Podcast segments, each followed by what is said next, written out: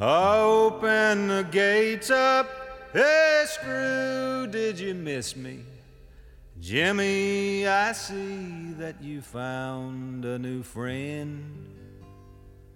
Warden, come down here and kiss me hello, cause I'm back home in Huntsville again. Welkom bij de Prison Show, programma over delict, straf, herstel en terugkeer. Oprecht, onafhankelijk en baanbrekend. Want iedereen heeft recht van spreken en verdient erkenning voor wie hij of zij is. Met Edwin En Frans. Yes, I'm back home in Huntsville again.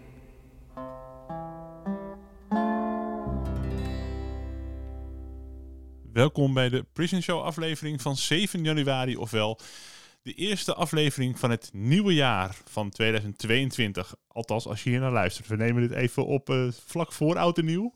Eh, maar toch, alle luisteraars natuurlijk, de beste wensen voor het nieuwe jaar gewenst. Ja, een heel, eh, een heel goed eh, 2022.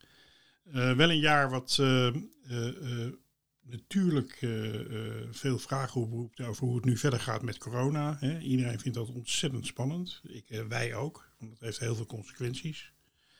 Ehm, maar ook als je het hebt over de Prison Show. We zijn ontzettend eh, ehm, benieuwd ook hoe het zich verder gaat ontwikkelen ten aanzien van de mensen die wij, waar wij het programma voor maken. Voor de nabestaanden, voor de gedetineerden, voor de families van gedetineerden. Voor iedereen die, die, die zich eigenlijk in een positie bevindt waarin eh, ja, je heel afhankelijk bent eh, voor je sociale contacten van, eh, van de maatregelen en de mogelijkheden die er zijn. En, ik vergat nog te zeggen, uiteraard ook de oudere mensen, de oude vandaag. Dus dat vind ik een heel spannende en nou ja, speciale zorg ook naar de jeugdigen. Want wat er gebeurt in de jeugdzorg en in de gezinnen als, eh, als er een lockdown is, dat, eh, dat baart ons ook behoorlijk wat zorgen. Dus eh, nou ja, we gaan er het beste van maken. We richten ons op het positieve en wat we kunnen doen. En Ja. natuurlijk gaan, blijven we wekelijks gewoon met de Prison Show online komen om u te informeren te, en te inspireren, hopelijk. Dat is ons, eh, ons doel. Zo eh, beginnen we natuurlijk ook ehm, gewoon vandaag weer een, eh, met een verse aftrap van het nieuwe jaar. Met een gast die digitaal bij ons aanschuift. Ja. Ehm, ja, het is, het is hartstikke leuk om, om allemaal vrolijke verhalen te vertellen. Ehm, en daar zitten mensen vaak op te wachten in deze donkere tijden. Maar ja, deze keer willen we toch aandacht besteden aan een zaak waar een aantal dingen helemaal niet goed zijn gegaan. Waarvan dan weer het positieve is dat we daarvan kunnen leren. En met elkaar kunnen, ja, ons bewust kunnen worden van eh, hoe we dingen eventueel eh, anders met elkaar zouden kunnen doen. Ehm, ja, welkom eh, Evelien Warman. Dankjewel. Ik ben niet zielig, maar hierdoor heb ik complexe PTSS. Wat als een schaduw op alles de rest van mijn leven werkt. Evelien Warman wint er geen doekjes om over hoe haar leven tot nog toe is verlopen. Maar ze wil vooral geen vals sentiment oproepen. In 1995 werd haar zus Renate door bekende huisgenoten vermoord. De daders kregen gevangenisstraf met TBS en dwangverpleging en zijn inmiddels op vrije voeten. In 2006 kwam haar broertje Rudy door geweld om het leven. Over de toedracht bestaan verschillende versies. Evelien houdt vol dat hij ook is vermoord. Dat was ook overduidelijk te zien aan zijn verwondingen. Volgens de politie is een val op de galerij van het flatgebouw waar Rudy destijds woonde de oorzaak van diens overlijden. Namelijk dat het zou kunnen zijn dat hij is gestruikeld over zijn eigen voeten of een vuilniszak. Maar er is nergens bewijs van. En je vertelt ons ook eh, dat Rudy ruzie had met een jongen die hem geregeld opwachtte. En je zegt de politie is te snel uitgegaan van een ongeluk en heeft zo ook gehandeld. En je zegt verder, mijn broertje was geen lieverd, een echt boefje, een ADHD'er. Hij speelde vroeger niet met blokjes, hij gooide ermee. Maar hij heeft zo geknokt en zijn leventje opgebouwd, werkte hard, drie banen. Hij Hij woonde samen en ze hadden vele plannen en dromen die hem in één klap zijn afgenomen. Nogmaals welkom in de Prison Show. Dankjewel. Evelien, in wat voor gezin zijn jij, je zus en je broer opgegroeid? In een, eh, zoals ze dat noemen, labiel gebroken gezin. Mhm. Eh, waarin eh, we veel eh, eigenlijk alleen maar te maken hebben gehad met verwaarlozing, mishandeling, vooral psychisch. eh, geen kind hebben kunnen zijn. En eh, omschreven wordt, wat ik nu inmiddels weet, dat we twee ouders hadden met een narcistische persoonlijkheidsstoornis. Eh, die ons eigenlijk letterlijk van kwaad naar erger in de problemen hebben gebracht. Waardoor de situaties helaas zijn gelopen zoals ze zijn gelopen. Ja, en ehm, je zegt een gebroken gezin. Eh, dat betekent dat je ouders uit elkaar zijn gegaan? Eh, nou, de eerste, even kijken, tot mijn vijftiende waren ze bij elkaar, maar het was elke dag ruzie. Mhm. Er was nooit dat ze gelijk, een gelijke gedachte hadden over iets. Het was altijd ruzie over ons, over alles. Ze waren alleen maar met zichzelf bezig. Eh, ze hebben ons vroeger opgesloten omdat ze eh, ja, drank en drugs gebruikten. Ja. En dan uit konden slapen. Eh, ze hebben eigenlijk nooit naar ons omgekeken. We waren gewoon drie kinderen die in huis zaten. We werden gevoed, maar niet opgevoed. Ja. We, hebben, we zijn nooit geknuffeld geworden. We zijn nooit beloond geworden voor goed gedrag. alleen maar afgestraft. Gezegd wat niet mocht. Nooit uitgelegd waarom niet. Dus eigenlijk niks geleerd.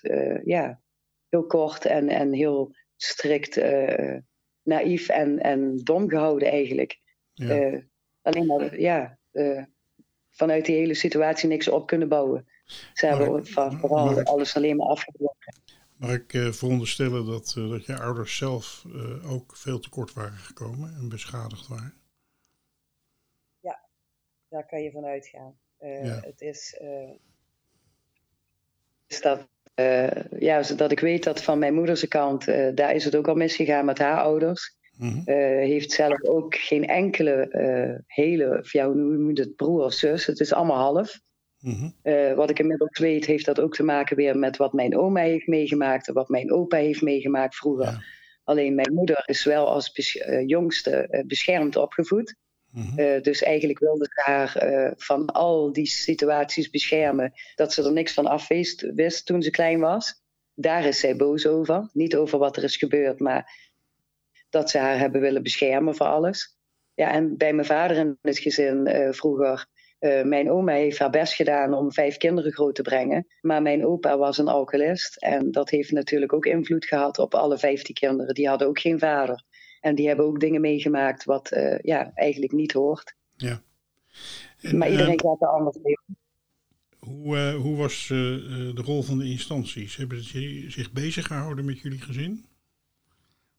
Vanaf dat wij heel jong waren, eh, was er hulpverlening voor mijn moeder. Eh, we moesten als gezin vaker naar RIAG. Er kwam jeugdzorg. Eh, uiteindelijk, eh, toen wij zijn verhuisd na het sterven van mijn oma, toen was ik 13,5.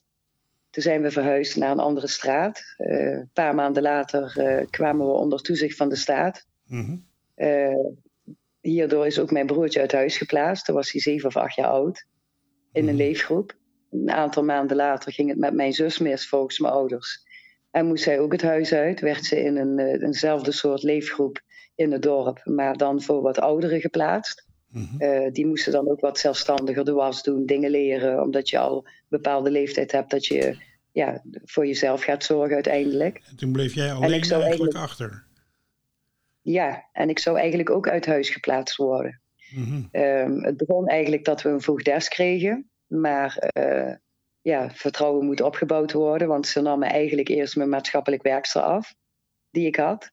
Eh, dat was heel kwetsend voor mij als kind. Want ik mocht nog niemand met die vrouw praten of hallo zeggen. Want ze zaten in hetzelfde pand. En ik moest wennen aan een vrouw die ik niet kende. En daar moest ik de gesprekken mee doen. Ja. En toen ik eindelijk een beetje een vertrouwensband met die persoon had. Toen stopten ze ermee, gingen ze trouwen. En toen kregen we een nieuwe voogdes. Ja. En in die tussentijd heb ik dus wel thuis gewoond bij mijn ouders. Dingen niet gezien, want er gebeurde blijkbaar heel veel. En eh, toen werd ik ook eigenlijk een beetje tegendraads. Ik wilde uitgaan, net als alle andere jongeren van mijn leeftijd. En toen ben ik ook een keer weggelopen. En toen zou ik eigenlijk ook uit huis geplaatst worden. Ja. Dus de voogdes, de, de nieuwe, die was, eh, had mijn tas, mijn vuilniszak met kleding al in de hand. Ik kwam van de trap aflopen, van boven. Mijn moeder gaat op de knieën zitten en smeekt mij: Kind, blijf hier, ik kan niet zonder jou, ik heb je nodig. En de voogdes laat zo de tas vallen en gaat zonder mij de deur uit. Mhm. Ze laat me er gewoon achter. En eh, daarom ben ik inderdaad eh, als kind thuisgebleven. Heb ik de scheiding van mijn ouders meegemaakt. Daarin moest ik alles opschrijven wat hun met elkaar afspraken. En daar ook was ik verantwoordelijk voor. Daar heb ik ook mee moeten tekenen als getuige. En ze hebben zich beiden niet aan de afspraken gehouden, maar Mhm. mij verweten. Konden jouw ouders lezen en schrijven? Ja, allebei. Ja. Ze konden het goed, maar ze lieten de verantwoordelijkheid sowieso altijd bij mij. Mijn moeder heeft mij sowieso de rol gegeven als moeder, al vanaf dat ik drie jaar oud ben. Mijn broertje was, eh, zoals ze dat noemen, de golden child. Omdat hij bepaald gedrag vertoonde wat ze heerlijk vond, heeft ze hem altijd eh, daarvoor beloond. Ze, heeft, ze hebben ons eigenlijk eh, altijd geleerd dat je moet stelen, dat je moet liegen. Ze wilde haat en nijd onderling creëren. Het is dan niet gelukt met alles, maar ja, grotendeels hebben ze daar wel invloed op gehad, op ons leven. Dus, eh, En, eh, dus je hebt gewoon de no- ook als kind eigenlijk al de nodige trauma's opgelopen. Ja. Ehm, Is het je deels of helemaal gelukt om daar goed mee om te gaan met wat er in je jeugd is gebeurd? Wat heeft dat voor jou betekend, voor je volwassen leven? Wat heeft dat voor mij betekend? Ja, dat het best wel moeilijk is. Het is moeilijk om contacten te hebben met andere mensen. Mhm. Het is moeilijk om om te gaan met de gewone normale dagelijkse dingen. Eh, het is een strijd in jezelf. Kun je daar een voorbeeld Eh, van geven, wat dan bijvoorbeeld moeilijk is? Eh, nou, ik heb bijvoorbeeld dwangmatig poetsen overgehouden. Over- Mhm. ja, zoals ze het noemen, dwangmatig gedrag. Ik heb een angststoornis. Eh, ik kan door situaties, als ik controle verlies en ik zit niet lekker in mijn vel, kan ik helemaal verstrest raken, helemaal paniek raken. Mhm. Ja, er zijn gewoon situaties, het blijft terugkomen. Het zijn herbelevingen, het zijn eh, geuren, wat dan ook, waardoor je weer terugschiet. Ja. En dan moet je heel hard je best doen om steeds weer terug in het heden te komen, omdat het verleden steeds aan je blijft trekken. Ja. Eh, ja, anders kan ik het in niet onder woorden brengen. Dat is wat het met je doet. Ja. Het blijft bestaan. Het verdwijnt niet meer. Ja. En heb je ook problemen gekend of eh, misschien nog steeds met het vertrouwen vinden in mensen? Ja, ja helemaal. Dat lijkt me zeer. ja. Omdat ik ook, eh, ja, omdat ik dus helaas ook heel veel vrienden en zelfs relaties heb gehad, eh, die precies mijn ouders waren. Dus in principe als kind wilde ik weg, wilde ik anders zijn, wilde ik zo snel mogelijk eigenlijk het huis uit, zodra dat het zou kunnen. En in plaats van dat dat gebeurde, ben ik voor mijn, vooral mijn moeder eh, blijven zorgen, omdat ik het verantwoordelijkheidsgevoel had dat dat moest. Ja. Dat had ze mij ook gegeven.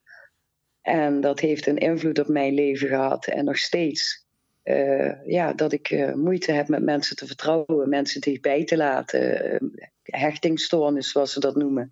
En gewoon dat je merkt dat je anders bent dan anderen en gewoon op een of andere manier niet gewoon kunt functioneren zoals ja, tussen haakjes normale mensen functioneren. Je weet daar niet mee om te gaan met de normale. Ik weet hoe ik moet overleven. In Ja. vooral shit situaties. Ja, wat ik, ehm, wat ik altijd heel bijzonder vind. Hè? Eh, we hebben eh, in de voorbereiding met elkaar eh, gemaild en contact gehad. En ik zit nu eigenlijk te spreken met een ja, goed uitziende, goed formulerende, intelligente vrouw. Die ook met, ja, met afstand naar haar leven kan kijken, zeg maar. Hè? Je kan heel goed kijken van wat is er gebeurd. Dat, je weet dat ook. Ehm, tegelijkertijd heb je een geschiedenis. Eh, je zei net al van eh, je hebt normale mensen en dan veronderstel je dus dat jij hoort bij de groep van de niet normale mensen, althans eh, niet no- normale gezinnen. Maar Ja. misschien goed om ook te zeggen dat, dat de context die jij beschrijft, die, dat, dat geen enkel kind zou dat mee moeten maken. Maar het gebeurt best wel heel veel dat mensen dit meemaken. Hè? Het is, eh, Te veel helaas. Ja. Ja, te veel helaas. Hè, dus eh, eh, vaak achter de voordeur, waarop mensen, dat mensen dat niet weten of, niet, of zich er een beetje van afwenden. Maar Ja, wat jij klopt. meegemaakt hebt in je jeugd, dat is helaas tot de dag van vandaag iets wat gewoon overal, op allerlei plekken en misschien wel in iedere straat gebeurt. Nog steeds, ja. Nog steeds kinderen die in zo'n soort situaties moeten opgroeien. Ja, Die eh, eigenlijk alleen maar proberen te overleven en overleven. Elke dag proberen door te komen. eh, in de hoop dat er een verandering komt in de toekomst. ja, Eh, dat ze hun eigen keuzes kunnen maken. Of zelfs het opgeven omdat ze het niet meer aankunnen. Omdat ze geen uitweg meer zien. En het is verschrikkelijk dat er nog steeds door al die instanties die er inmiddels zijn. niet gehandeld kan worden om al die kinderen hun leven te redden. Om Ja. ze weg te halen waar ze daar niet goed zitten. Om te zorgen dat ze zich kunnen ontwikkelen en weten wat, waar hun interesses en hun eh, intelligentie, waar hun ja. eh, capaciteiten liggen. Hoe ze zich kunnen ontwikkelen tot de mens die ze horen te zijn. Ja. Eh, stabiel en En je zegt instanties, hè? Dus eh, dat is natuurlijk eh, eh, de jeugdzorg en allerlei andere instanties. Ehm, Ja. Vind je ook dat de gemeenschap, en daar bedoel ik dan mee de mensen om jullie heen, de mensen in, in jullie straat of in de buurt of, of wat dan ook, eh, dat die ook daarin een verantwoordelijkheid hebben? De mensen op school. eh, Ja, daar komt het. Eh, wij moesten als kind zijnde ook opkomen voor elkaar tegen de buitenwereld om ons heen. Dus ook voor de Mhm. volwassenen die hier in de buurt woonden. Ruzies met kinderen die hier wo- woonden. Ik neem het niet de mensen kwalijk dat ze, eh, ja, hoe moet ik het zeggen, dat ze niks gedaan hebben. Want de mensen die ervan afwisten, die konden niks. mhm. Vooral familieleden hebben daar nog steeds verdriet van. Dat ze toe moesten kijken en niks konden zeggen en niks konden doen. Want dan konden ze helemaal geen contact meer met ons krijgen. Ja, Dan was dat stukje wat ze konden geven, was dan ook weg. Dus Ja. eigenlijk stonden de meesten machteloos toe te kijken. En vonden het verschrikkelijk, maar konden niks. Nee. En jeugdzorg kwam bij ons over de vloer. En jeugdzorg had eh, ja, eigenlijk moeten kunnen handelen in het bestwil van ons drieën. Ja. In plaats van het gezin bij elkaar te houden en te kijken dat alles zo liep zoals hun dachten, ja, hadden ze ons alle drie meteen uit huis moeten plaatsen en moeten zorgen dat er nog iets van ons terecht kwam. Maar helaas werkt dat ook zo niet in een leefgroep of internaat.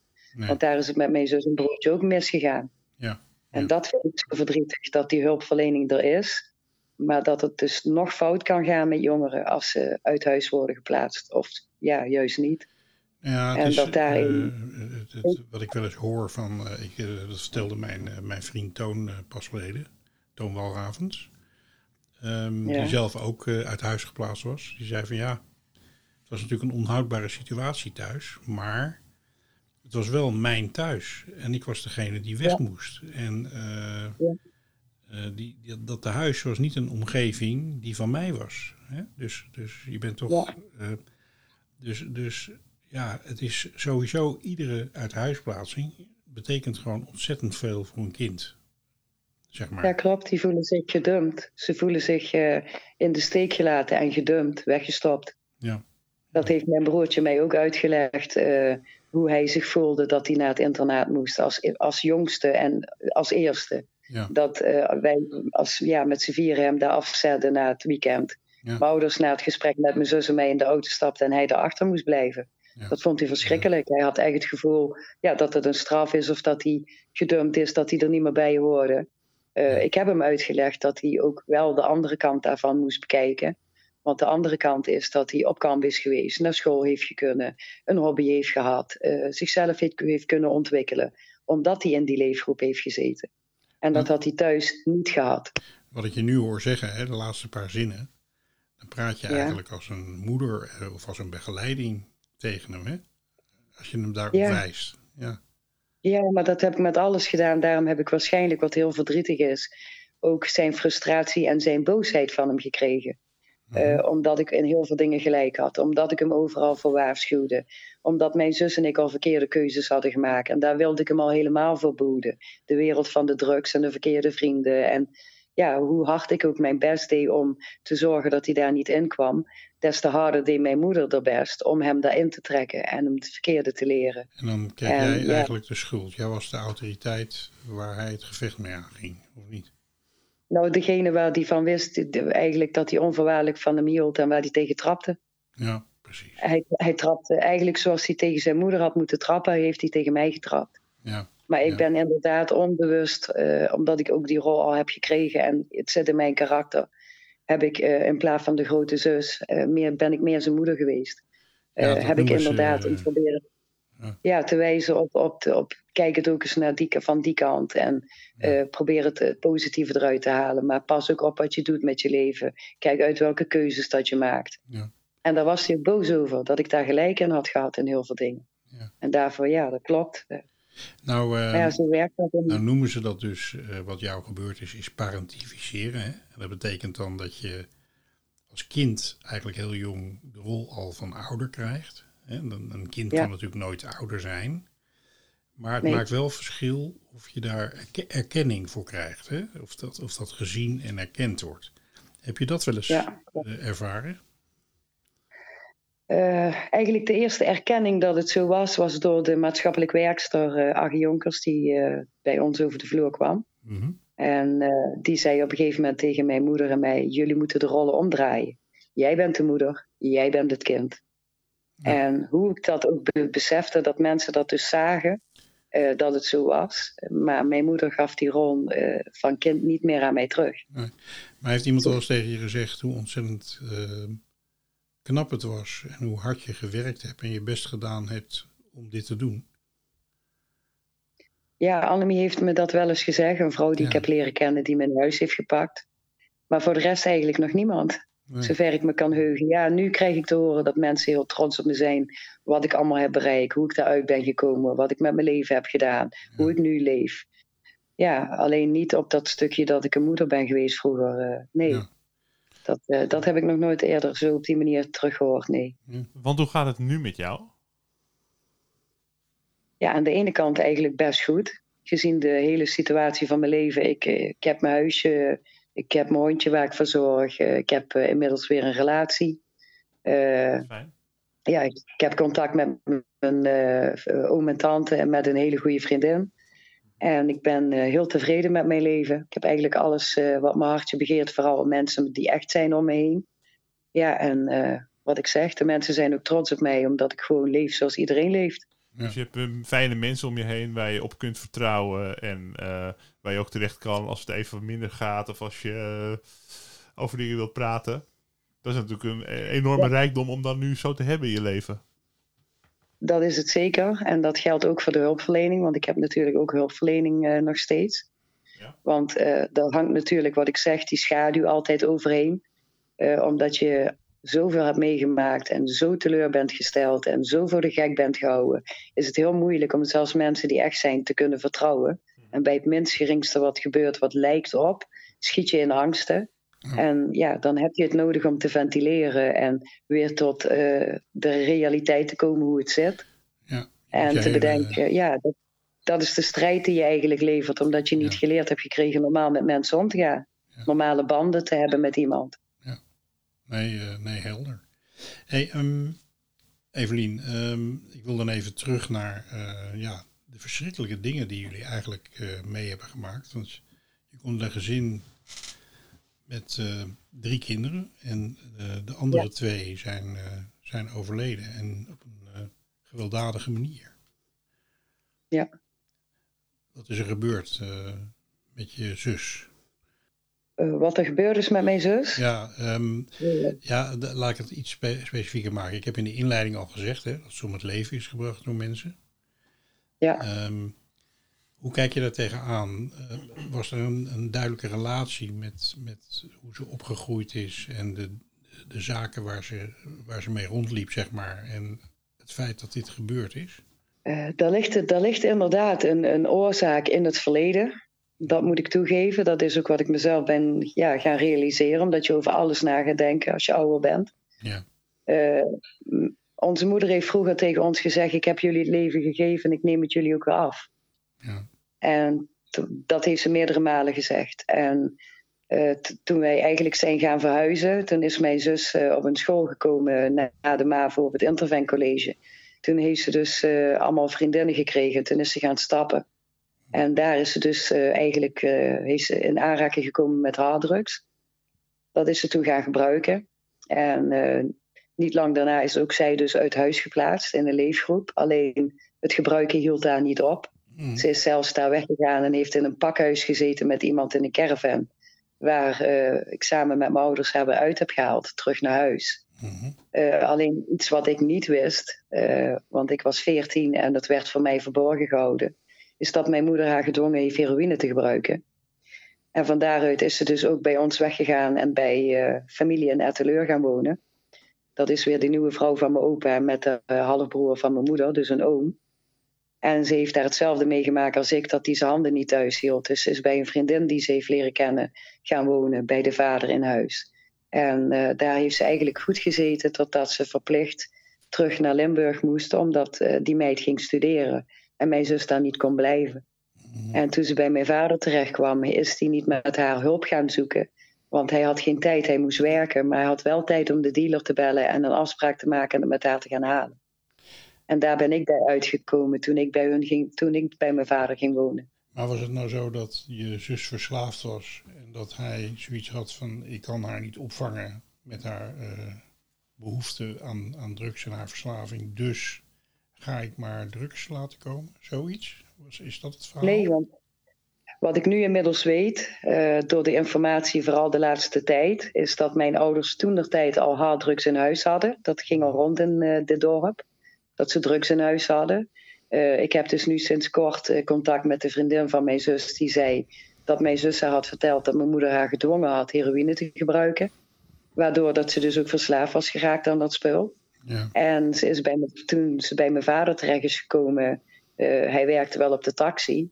Maar een normaal gesproken zou een vader jou niet eh, dit wel de tijd hebben om met jou naar een dealer te rijden en je het spul te gaan halen.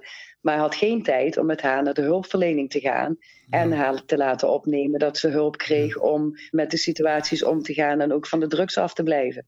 Ja. Eh, ja. Klinkt heel erg alsof, alsof je ouders nooit volwassen zijn geworden. Zijn ze niet. Nee. Ze geven ook nog steeds eh, de schuld aan, aan, aan ons, aan de kinderen. Wij zijn alle schuld. Wij zijn overal verantwoordelijk voor. Ja, ook de twee overleden kinderen. Ja, Eh, ik heb mijn vader eh, voor elf jaar voor het laatst gesproken. En hij heeft toen heel veel dingen tegen mij gezegd. Maar het pijnlijkste was nog dat ik dacht, ik ben een volwassen vrouw inmiddels. En nog verweet hij mij dat ik niet als zoon geboren was. Want ik had een jongen moeten zijn. En ik had hun huwelijk moeten redden. En we waren het allemaal schuld, eh, vooral mijn zus en ik, dat hun gescheiden waren. Want eh, ja, allemaal dingen dat je denkt, dat kun je je kinderen niet verwijten. Maar die verantwoordelijkheden en die verwijten kreeg ik wel nog naar mijn hoofd gegooid. De- dat je echt denkt, hoe, hoe, hoe kun je dat mij verwijten? En ik heb jarenlang die verantwoordelijkheid en die schuldgevoel gedragen als kind zijnde. Ja. Eh, daar heb ik heel veel moeite mee gehad. En tuurlijk realiseer ik me nu als volwassene dat het echt absurd is. Want het waren hun keuzes, hun waren de volwassenen. Ja. Maar hun zijn nooit volwassen geworden. Nee. En dat is ook waarom ik weet, eh, en ook als ik ga lezen, dat ze in het eh, plaatje passen met een narcistische persoonlijkheidsstoornis. Want die hebben ze allebei. Zelfs categorie psychopaat. Mhm. Ze zijn ook trots op de. zo- ja, ze. Mijn moeder is twee jaar geleden overleden. Mijn vader leeft nog. Hij woont eh, een paar honderd meter van me vandaan. En eh, hij is gewoon super trots op het strafblad wat hij heeft. Super trots op de dingen die ze gedaan hebben. Eh, ja, ik, ik, ik heb daar geen woorden voor. Ik, ik, kan- Nee. ik als mens ben gelukkig totaal anders. Maar ik zeg altijd, je hebt twee soorten mensen. En dat zijn, of ja, als het gaat om psychisch ziek. psychisch zieke mensen die zoeken hulp. Die weten dat er iets niet klopt en die gaan kijken of ze daar wat aan kunnen doen. Ja. En dan heb je eh, eh, mensen die ziek zijn zoals mijn ouders. En dat noem ik ziek in het hart. Ja. En die zijn niet meer te helpen. Die willen ook niet geholpen worden en die zijn niet te helpen. Dus als ik het, als ik het mag Ja. samenvatten, dan vertel je eigenlijk van goh, ik ben opgegroeid in een eh, gezin met ouders die als gevolg van van alles, van generatie op generatie, zijn er allerlei dingen doorgegeven die wij ook Ja. hebben moeten ervaren.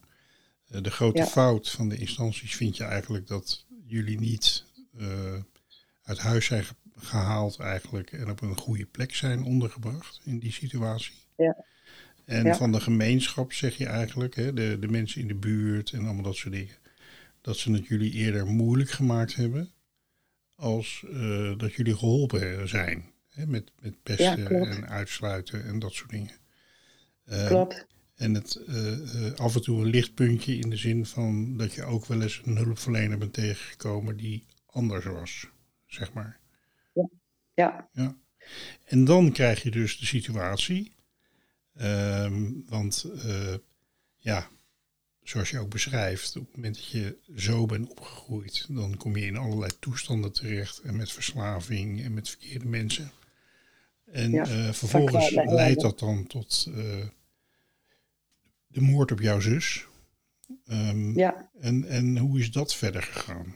Wat, hoe, hoe, hoe is daar door de overheid toen- mee omgegaan met dat gegeven? nou toen, eh, ja, eigenlijk nadat dat gebeurd was, t- toen zijn dat de, de rechercheurs eigenlijk als politie dus erbij gehaald. Eh, en ik moet zeggen dat ik nog steeds heel veel respect heb en heel dankbaar ben voor die twee rechercheurs die eh, volledig op de zaak hebben gezeten. Natuurlijk alle rechercheurs, maar voornamelijk de twee, zoals Peter van de Heuvel en eh, Rob Palme. Mhm. Eh, want die hebben zo hun best gedaan om ook voor ons klaar te staan, vooral Rob Palme. Hoe zijn ze ermee omgegaan? Ze hebben mij geprobeerd te beschermen dat ik niks meer zag in dat huis. Ik mocht wel de spullen eruit halen, maar niks meer zien. Ze hebben mij gevraagd en gesmeekt te stoppen met drugsgebruik. Ze hebben me uitgelegd waarom. Ze hebben eigenlijk eh, ook altijd eh, in al die tijd dat ze mij on- ondervraagd hebben, hebben ze rekening gehouden met mijn emoties, met wat het met mij deed. Eh, ze hebben zelf hulpverlening nodig gehad om het te kunnen verwerken, omdat de dader de hele dag bij hun is geweest toen we moesten identificeren. Dat hadden hun ook zelfs moeite mee. En toen ik jaren later, eigenlijk door situaties met de tweede dader contact zocht voor een confrontatie, hebben hun die confrontatie mogelijk gemaakt op het politiebureau in Remond. Eh, helemaal afgezet met rekening houden dat het mis kon gaan, zodat ik dat gesprek met haar kon voeren. Ze waren ook heel trots dat het gewoon een gesprek is geweest en voor de rest niks is gebeurd. Dat, dat is En, bijzonder, eh, hè, dat de politie dat organiseert. Ehm, Ja. Tegenwoordig heb je perspectief herstelbemiddeling, waar we ook een podcast van hebben. Je hebt eh, slachtofferhulp, die allerlei dingen kunnen aanraden en adviseren. Eh, Ja. dat, dit is wel een heel bijzondere, bijzondere gang van zaken eigenlijk. Was het gesprek ook voorbereid door de politie of ben, of ben je gewoon tegenover Nee. de dader gaan zitten? Ik ben gewoon tegenover de dader gaan zitten. Dat heb ik ook in de TBS-kliniek gedaan met de hoofddader. Mhm. En daardoor is ook de confrontatie ontstaan met de tweede dader, omdat ik mijn zus herdenk en alle krantenartikelen op internet stonden. En hij wilde dat allemaal weg hebben. Dus heeft hij eh, ja, lopen te kloten via eh, mails en via telefoon. Omdat dat ik een advocaat op mijn nek kreeg, waardoor de tweede dader contact zocht met mij.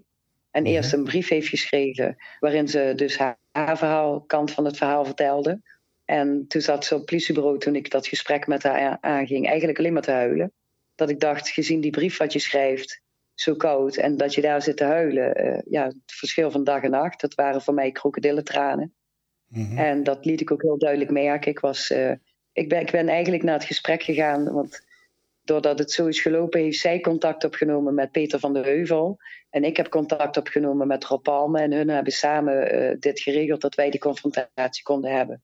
Dus het is wel in, in overleg met beide partijen gegaan. En het is ook gewoon normaal verlopen in een gesprek. En ik ben eh, daar ook eigenlijk best wel blij om hoe het is gegaan. Want er werd meer naar mij gekeken dan naar haar. Eh, Ja. Wat betekent dat zij moest kijken dat ze daar op het bureau kwam. En ik werd opgehaald en teruggebracht. Ja. Eh, daar voelde ik mij wel eh, gerespecteerd. Daar voelde ik mij wel gezien en gehoord. Eh, terwijl ik dat in de TBS-kliniek totaal niet had. Ja. Ik heb die gesprek ook zelf aangevraagd. Dus ik ben met de kliniek zelf in gesprek gegaan via een brief. Toen heb ik teruggehoord dat ik de bedader zelf een brief moest schrijven. Waarin ik eh, vroeg of hij daartoe bereid was om met mij te praten. En ook dat ik dan moest vermelden waar ik over wilde praten. Alles wat ik wilde zeggen, wat ik wilde doen. Dat hij zich daarop kon voorbereiden. Ik moest ook met de rug naar de deur zitten. Als hij het niet wilde, dan ging het gesprek niet door. En ik moest zelfs vragen in de brief of ik iemand mee mocht nemen om mij te steunen.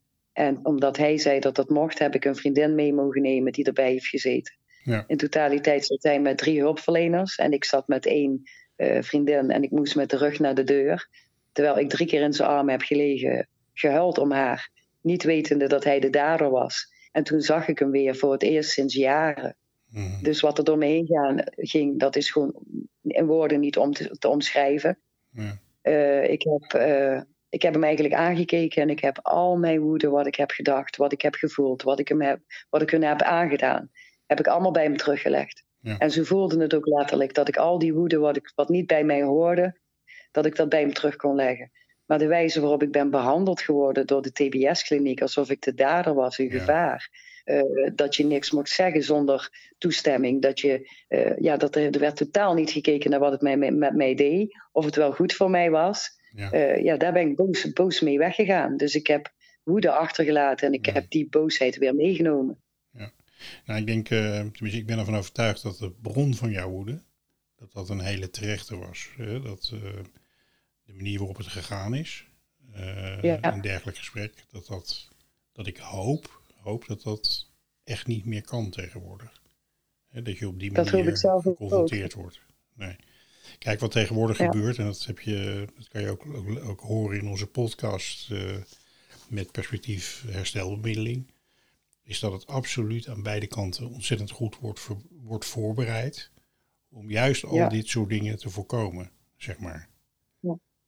En dat was er kennelijk toen niet. Ja, Nee, dat was er totaal niet, nee. En dat is helaas bij ons, vraag me niet waarom, met alles gebeurd. Dus als ik dan, dan terugga naar de situatie dat mijn ouders net gescheiden waren, mijn moeder had een nieuwe vriend. En die persoon die was dus verslaafd. En eh toen kwam ook de drank, de drugs, het geweld in huis. Die heeft toen de tijd een jachtgeweer op mijn buik gehouden, geladen. Die heeft hij ook afgevuurd op de slaapkamer. Politie is ook gekomen omdat de buren hebben gebeld. Maar politie heeft ook niks gevraagd. En Nee. ze zijn ook weer vertrokken. En daarin zie ik dat bij alles wat gebeurd is, heeft politie, justitie, de jeugdzorg, Raad voor de Kinderbescherming, noem maar op, eh, echt gefaald. Eh, Ja. En is het daardoor van kwaad naar erger gegaan, waardoor het uiteindelijk zo misliep dat mijn zus eerst is vermoord. Ik mag blij zijn dat ik het heb overleefd. Eh, heel veel aanslagen op mijn leven heb ik overleefd.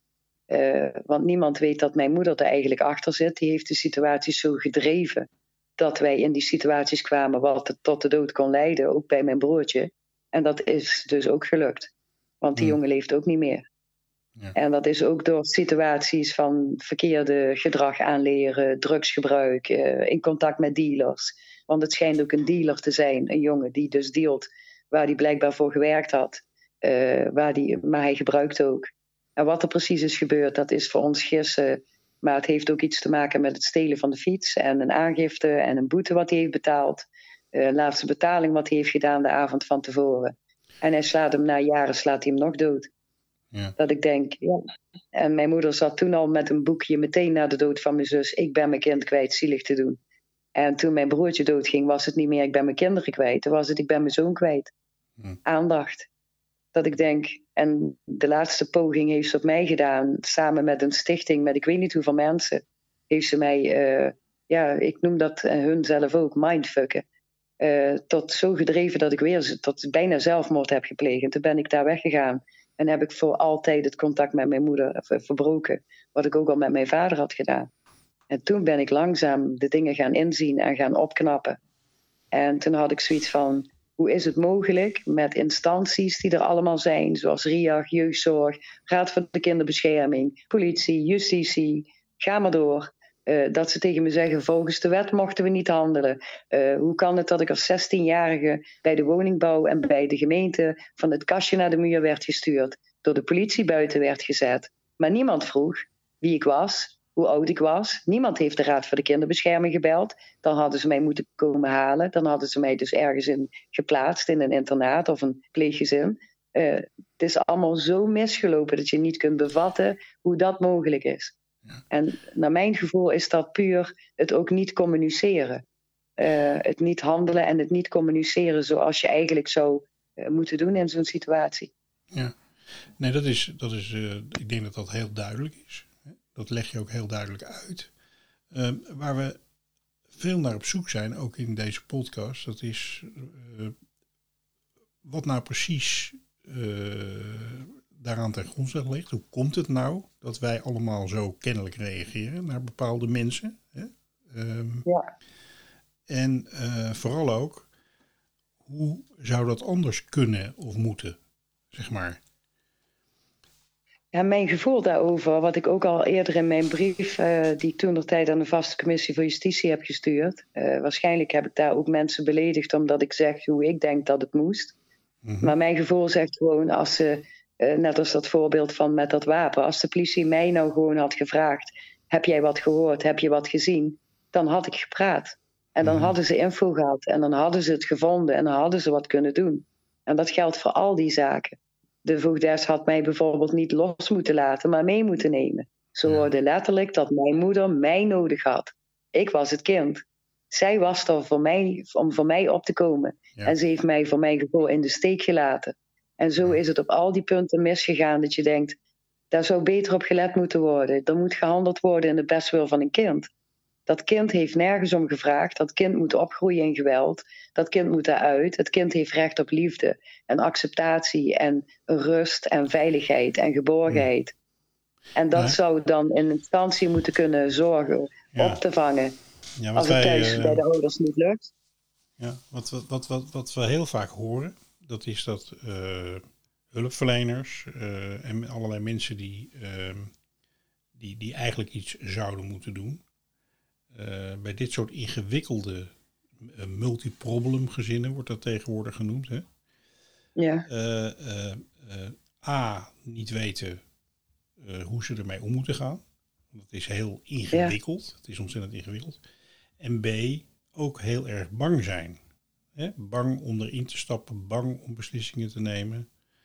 Ehm, om de verkeerde beslissing te nemen. De Ja, angst voor de ja. verkeerde beslissing. Of sowieso een Ja. beslissing. Want dan, eh, dan ja, als, je, als je echt een, een stap naar voren doet, dan moet je daar ook verantwoording over afleggen. Ehm, Ja. Dus eh, eh, het lijkt erop alsof je, als je eenmaal in zo'n context opgroeit en je leven moet leiden, dat, het, dat, dat je dan een soort wet van Murphy krijgt, waarbij er steeds Hè? Eh, eh, in iedere, bij iedere stap wordt het erger.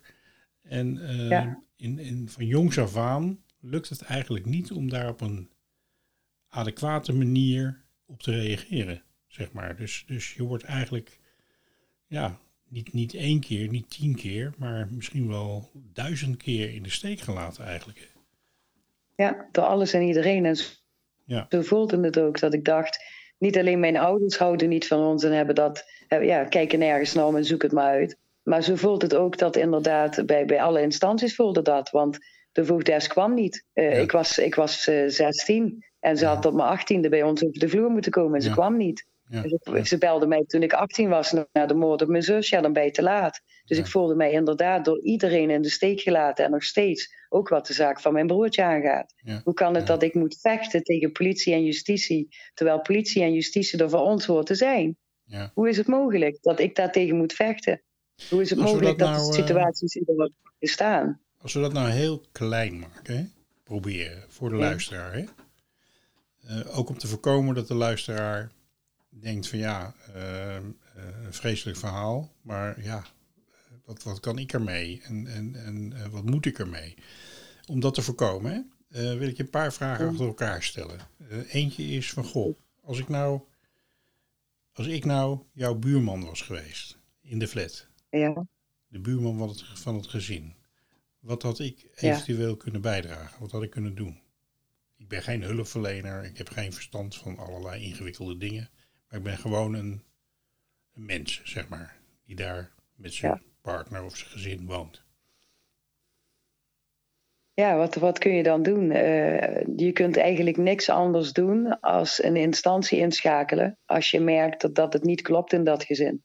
Als Ja. daar altijd ruzie is, als daar geweld in huis is. Dat je daar melding van maakt. Want eh, dat je in ieder geval dus probeert te, te helpen waar je kunt, omdat je zo niet kunt helpen. Want je mag je daar niet mee bemoeien. Nee, maar zonder dat ik me ermee zou bemoeien. Ehm, Mhm. Had ik dus dat wat je, dat is duidelijk wat je zegt, maar had ik ook in mijn, als wij elkaar tegen zouden komen, hè, bij de buiten of op het veld of op het fiets of in de winkel, had ik met mijn houding enig verschil kunnen maken naar jou toe. Met vriendelijkheid. Met, ja. ja, gewoon met vriendelijkheid. Ja. Eh, wat, bij mij, wat me bij is gebleven is bijvoorbeeld de familie die twee deuren verder woonde, de familie Bouillon. Mhm. En dat omaatje ervan, eh, dat was een heel lief vrouwtje, trouwens hun allemaal. Voor zover als ik weet als kind. En eh, gewoon het feit dat hun al een glimlach naar me gaven. En weet je wel, de liefde die hun toonde, de, de genegenheid, de gastvrijheid. dat heb ik onthouden. Ja. Dat er ook mensen zijn die wel lief zijn en die je wel mogen. En dat is voor een kind denk ik heel belangrijk te voelen van de volwassen mensen eromheen. Hm. Dat ze niet alleen staan. Dat Ja, het een situatie is waar ze uit kunnen komen. En dat ze daar niet helemaal tegen de hele wereld moeten opboksen en helemaal alleen daarvoor staan. Want wij hebben ons gewoon helemaal alleen en in de steek gelaten. Gevoeld door iedereen. Behalve dan door zo'n familie. Die maakte daar een Eh. uitzondering op. Die doorbraken dat een Ja. beetje. Die doorbraken het een beetje. Mijn oma, waar we elke zaterdag naartoe gingen, of vaker stiekem door de week, die doorbrak dat ook. Hm. Daar vonden wij ook de liefde en de aandacht. Al was het een, eh, een, een glimlach die ze gaf. Ja. Dat is waar ik dan op teerde. En dat ge- wat gelde voor mijn zus ook. En de leuke herinnering die ik aan mijn oom en tante had. Eh, Omdat ze ook altijd leuke dingen met ons deden. En ons liefde en aandacht gaven. En wat ik ook eh, merk, nu ik zelf ook dingen heb gedaan voor het vergeten kind. Eh, ook contact heb gehad met die mensen. De eerste woorden die ik eigenlijk eh, ook liet vallen voor eh, wat de kinderen moeten horen. Je bent gewend, je bent geliefd, je bent belangrijk Ja, ja, ja. dat je voelt dat je, dat je mag bestaan. En de meeste kinderen voelen zich zo ongewend, zo ongeliefd. alsof ze niet belangrijk zijn, dat het niet uitmaakt of ze er wel of niet zijn. En daarom is dat voor een kind zo belangrijk, vooral van volwassenen, om die woorden te horen, om die blikken te krijgen, om gewoon te merken dat het thuis misschien niet goed is, maar je hebt altijd die andere mensen om je heen waar je terecht kan. Ja. Al is het maar dat je daar veilig bent, eh, tv kan kijken, of dat je daar een vriendelijke blik van krijgt, of dat ze je een knuffel geven. Alles wat het kind mist, dat hij dat toch van de maatschappij om zich heen meekrijgt. Ja. Want eh, de invloed van een volwassene maakt zo'n indruk op een kind. Dus ook Ja. als dat negatief is zoals wij hadden, dat heeft ook indruk gemaakt. Nou, ik Dat kwam er allemaal eh, eh, ik vind dat je het, eh, het, heel erg goed formuleert. Ik, ben zelf, ik merk dat ik zelf ook heel erg onder de indruk ben van zoals je het stelt. Omdat ik ook Dankjewel, want het- voel hoe dat moet zijn voor een kind. Ondanks het Ja. feit dat ik niet zo, zelf niet zo ben opgegroeid. Ehm, ja, het is ijzingwekkend eigenlijk, hè? Wat er Ja. gebeurt. Ehm, als ik nou, ehm, we gaan even verder. Als ik, eh, je hebt het eigenlijk al een beetje verteld over hulpverleners, maar als ik nou bij de Mhm. jeugdzorg zou werken, hoe, eh, hoe, hoe had ik het gezin kunnen helpen? En jullie Door in ieder de geval heel, heel veel contact te hebben met de kinderen. Veel gesprekken te voeren met de kinderen. Dus ze te laten praten en ze aan te horen. Eh, ze te laten merken dat ze dus gehoord en gezien worden. En waar je ook maar eh, iets kunt betekenen, dat betekenen. Dus als je merkt dat iemand in een gewelddadige situatie zit, zoals ik toen met dat wapen, eh dan haal je dat kind weg. Ja. Want dat kind heeft geen veiligheid. En dan kan, voelt dat kind ook dat hij dus veilig is als hij daar is, al is het niet thuis. Ja. Het, het is ook de situatie daarna. Je moet kijken inderdaad, wat is de situatie? En eh, ja, wat is dan de beste keuze? En dan, al moet je kiezen uit twee kwaden, dan is het gewoon kiezen uit die twee kwaden. Want je zult een keuze moeten maken. Want doe je dat niet, laat je ze in de steek. Want Ja, zo dus- voelt dat dan. Echte belangstelling, echt willen weten hoe het zit. En ook echt Ja. het lef hebben om waar nodig in te grijpen. Ja, maar dus ook de gesprekken met de kinderen alleen aan te durven. Niet waar de ouders alleen maar bij zijn. Ja. Zodat kinderen ook durven te praten. Want de meeste kinderen durven helemaal niet te praten waar de ouders bij zijn. Ja. En eh, ja, dat is juist het hele moeilijke en complex in de hele zaak. Een kind gaat niet minder van zijn ouders houden, hij gaat minder van zichzelf houden. Ja, ja, en daar moet je ondersteuning in geven dat dat niet gebeurt. treffend Daar moet je op letten dat dat niet gebeurt. Treffend gezegd. Eh, jij zegt dus, ik herhaal het gewoon even, want ik vind het echt heel, eh, Ja. een hele belangrijke zin. Een kind gaat niet minder van zijn ouders houden, hij gaat minder van zichzelf houden. Ja. Mooi, Ja, mooi want je voelt dat je ouders niet van je houden. Dus hoe kan er dan iemand van je houden? Hoe kun je zelf van je houden? Want je ouders houden niet van je. Ja. Hoe kan het dat je ouders niet van je houden? Ben je dan zo slecht?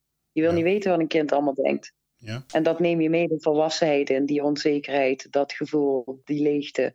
Eh, dat kan nooit meer opgevuld worden. Dat moet je doen op het moment dat het kind klein is. mm, Als hij nog kind is en in die situatie zit, dat hij voelt dat hij belangrijk is en dat hij gehoord wordt en gezien wordt. Dus de opvang van het kind zelf is het belangrijkste in het hele proces. Evelien, ehm, dan vervolgens het hele uh, proces, als er dan zware delicten worden gepleegd. Uh, je bent nabestaande van twee mensen. Ja. Je broer en je zus. Wil je nog iets over dat proces zeggen? Hoe dat, hoe, hoe, je, hoe wat je eigenlijk nodig had gehad, zeg maar, van alle mensen die daarbij betrokken waren? Ja, wat ik zeg, ik heb het geluk gehad dat er eh, hele lieve rechercheurs waren bij de zaak van mijn zus. En jammer genoeg was er op dat moment geen professionele hulpverlening van slachtofferhulp, wat gelukkig inmiddels wel zo is. Uh, dus velen hadden niet eens eens door hoe het met mij ging. En wat ik nodig had gehad op dat moment was iemand die dat door had. Ja. En ja, mij in de hulpverlening had geholpen. Eh, zodat ik daarmee aan de slag kon. Zodat ik niet, zoals het nu eigenlijk is gelopen, steeds verder in dat wereldje terecht ben gekomen dat het bijna mijn leven kostte. Voordat ik een signaaltje kreeg om eruit te stappen. Ja. Dus elke keer heb ik het allemaal op eigen kracht moeten doen. Maar niet iedereen lukt dat blijkbaar. En die hebben dan die steun en hulp van de instanties nodig om die stappen te kunnen zetten. Ja, ik ben, en bij de zaak van mijn broertje, wat had ik nodig gehad? Uh, dat de politieagent eerlijk was. In plaats van alleen maar eerlijk tegen mij op het bureau, ook eerlijk gewoon in het openbaar. Dat hij zijn persoonlijk oordeel heeft laten, uh, ja, heeft laten wegen in het handelen van zijn werk. Waardoor dat de zaak dus uh, als misschien nog wel nooit meer opgelost kan worden als een moordzaak. Want er is geen plaatsdelict. En er is geen sorry gekomen, niks. Dus als ze nou hun best hadden gedaan om uh, daar nog wat aan te doen, dan was het goed voor mij geweest. Maar het, ze doen het tegendeel. Ja, wat je feitelijk uh, zegt is van, uh, en wat je ook verteld hebt eerder in dit gesprek, is dat, jou, dat, er, dat ze eigenlijk niet weten of kunnen weten wat er precies gebeurd is. Op basis van de gegevens die ze hadden. En mm ze eigenlijk verzuimd hebben om daar echt uh, inzet op te plegen en veel meer nader onderzoek op te doen. Over wat gebeurd ja. had kunnen zijn. Ze hebben helemaal geen onderzoek eigenlijk gedaan. Ja, ze hebben. Hij heeft het meteen afgehandeld als een ongeluk. Op het moment dat hij hem vond, handelde hij het af als een ongeluk. Ja, Terwijl alles wees, uh, zowel de verklaringen die je leest, de verwondingen die die jongen had, uh, de, gewoon de hele plaats, overal lag bloed. Uh, alle bewoners hebben dat verklaard. Kabaal, ijzer op ijzer hebben ze verklaard. Een ijzeren staaf heeft op het dak gelegen. De persoon in kwestie is gezien geworden. Uh, noem maar op. Ken je ze de persoon wel die, die het gedaan heeft? Ja, die stond blijkbaar met de auto beneden. Uh, ook daar waar het begonnen is, daar stond hij beneden dat hij naar de galerij kon kijken. En de buurvrouw die bij mijn broertje stond te wachten op de hulpverlening, die zag hem. En toen reed hij weg. En toen ze beneden ging wachten op de hulpverlening, kwam die aan, wilde die de flat naar binnen. Maar toen de hulpverlening kwam, maakte hij dat hij wegkwam. En hoe die beschreven wordt qua uiterlijk is precies de beschrijving van de dader. Ja. Van onder de vermoedelijke dader en de uh, dader. Heb je die nog gevolgd in al die jaren? Hoe is het met die persoon verder gegaan? Weet je dat? Uh, de persoon waar, waar, het over gaat, die ze zochten, als getuige. Mm Ze hebben alleen een oproep gedaan op L1. Eh, of die persoon zich wilde melden. En ze hebben een onderzoek gedaan dat de persoon waarover gesproken wordt, uh, wie de dader zou moeten zijn, uh, dat hij inderdaad daar woonde, een flat verder.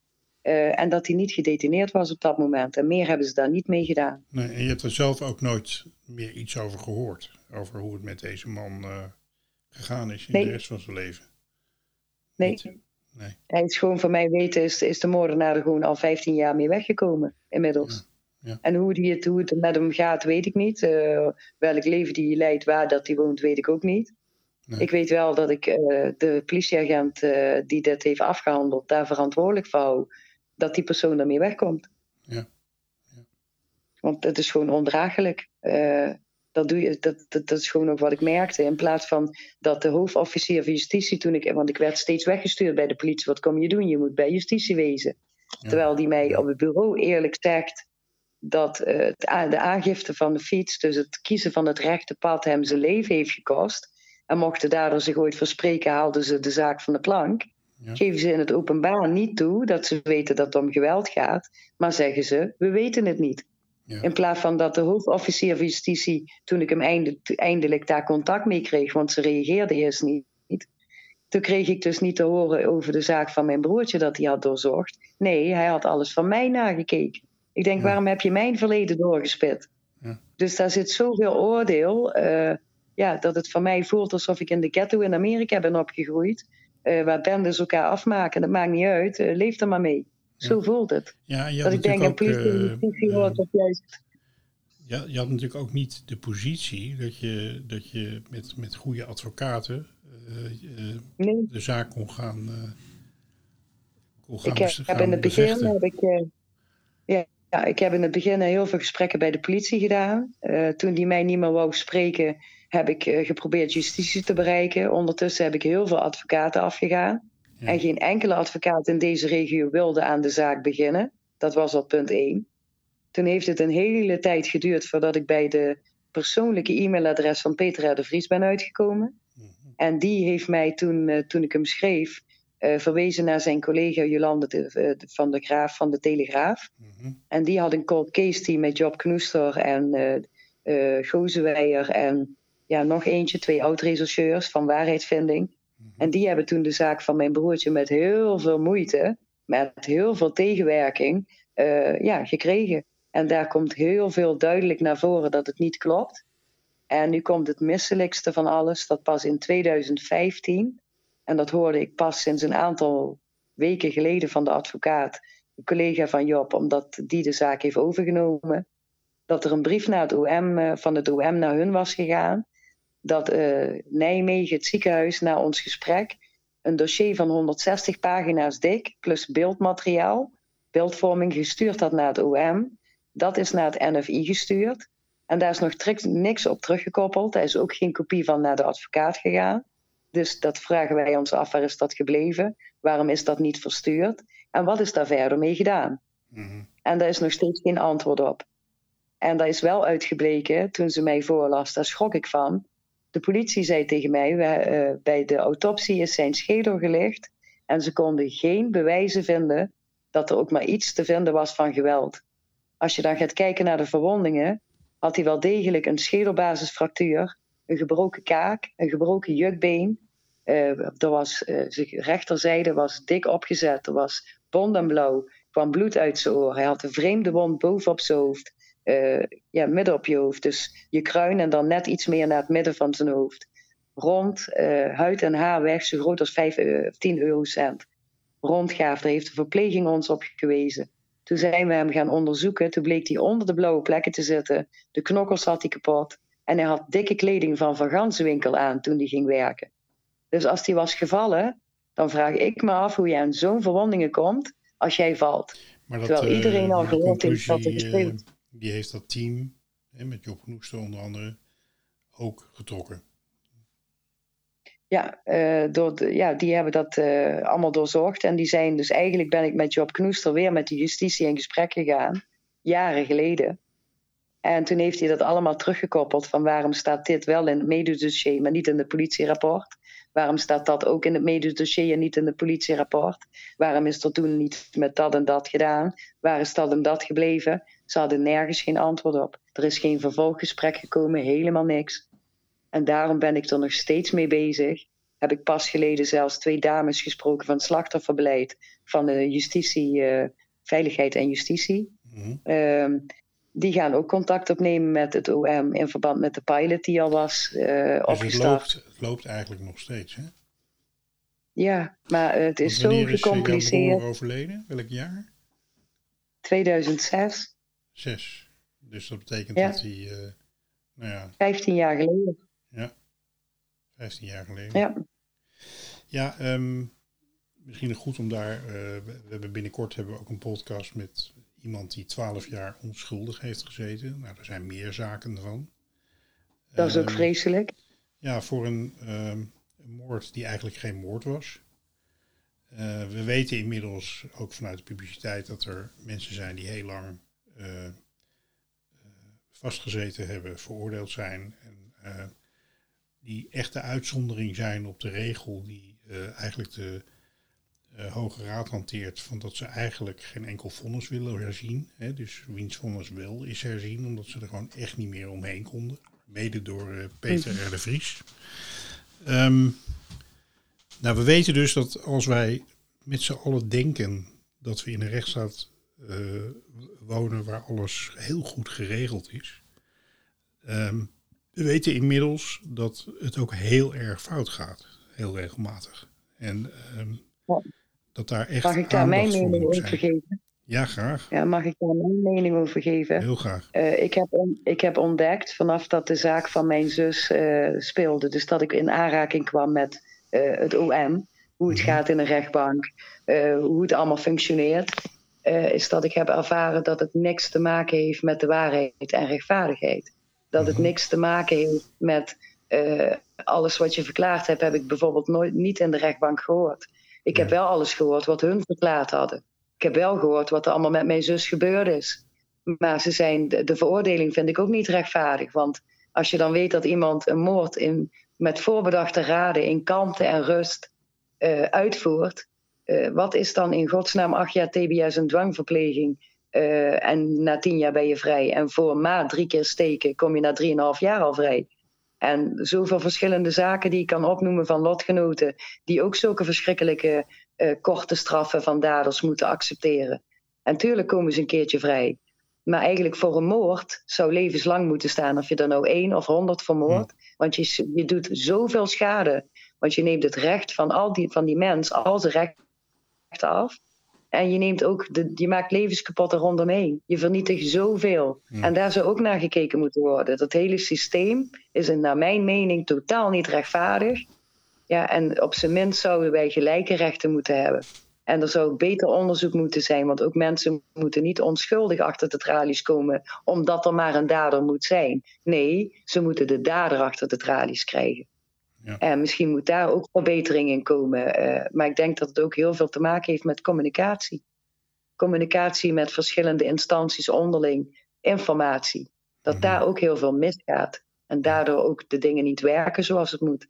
Ja. En ja. oordelen, dat de mens oordeelt. Uh, terwijl het is heel moeilijk, want je hebt een oordeel. Elk mens heeft een oordeel over een situatie als je dat hoort. Maar je kan en je mag niet oordelen. Je mag je persoonlijk oordeel hebben. Maar dat mag je al helemaal niet in je werk gebruiken. Ja. Vooral niet als je niet weet waar je over oordeelt. Ja. Ja. En dat zou een verbetering kunnen zijn als mensen daar eerst eens beter over nadachten voordat ze een oordeel vellen.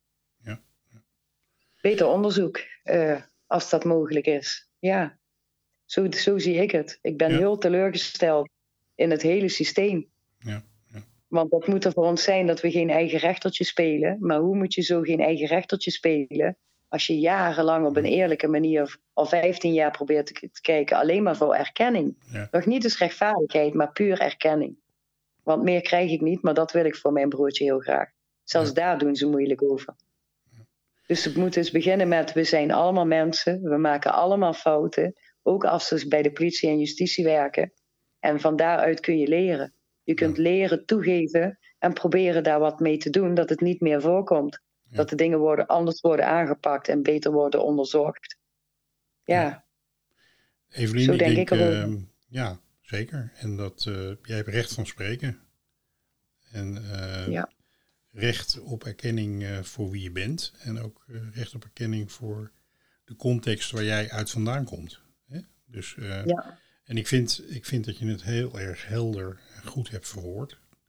Ik hoop dat de luisteraar ja, hier ook iets mee kan. En dat het ook bijdraagt aan het besef wat er allemaal in onze directe omgeving zich afspeelt.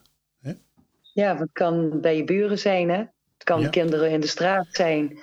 Uh, en zodra dat je dat merkt, ja, dat is moeilijk. Wat moet je doen? Je mag je daar niet mee bemoeien. Nee. Maar juist die kinderen de aandacht geven dat ze dus dat wel van anderen krijgen, dat is gewoon super belangrijk. En vooral bij instanties.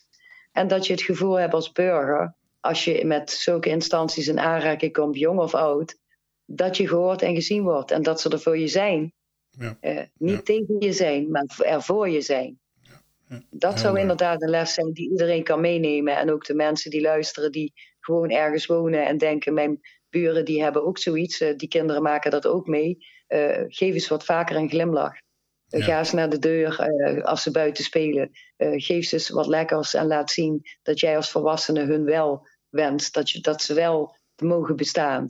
En dat er nog goede mensen in de wereld zijn. Niet alleen maar die rotsituaties. Uh, Ja. Zorg dat de hoop in het hart blijft. Mooi. Zorg dat ze sterk worden eh, doordat anderen er voor hun zijn. Die samenleving van vroeger, die zou eigenlijk een stukje terug moeten komen. Dat we met z'n allen op elkaar letten. Dat is Mooi. wat vooral die kinderen allemaal nodig hebben. Mooi, mooi gezegd. Ehm, ik vind je een wijze vrouw. Dankjewel. Dankjewel. Ik denk dat het een hele mooie, mooie podcast geworden is. Ehm, bedankt voor je verhaal en voor je openheid. Graag- En, ehm, Graag gedaan. Nou, je hebt verteld dat, eh, dat er veel goede dingen in je leven zijn op dit moment. Ja. Eh, geniet daarvan. En eh, nou ja, we gunnen het jou Oh, ik ben harte. Ik ben God dankbaar voor alles wat ik heb op het moment. En Ja. zo ook zelfs wat ik allemaal heb meegemaakt, dat ik er doorheen ben gekomen, hoe ik er doorheen ben gekomen. En dat is ook weer een les voor heel veel mensen en vooral kinderen als ze luisteren. Ja. Geef nooit op. Het is niet dat je eh, hetzelfde lot staat te wachten als je ouders of dat er niks van je leven terechtkomt.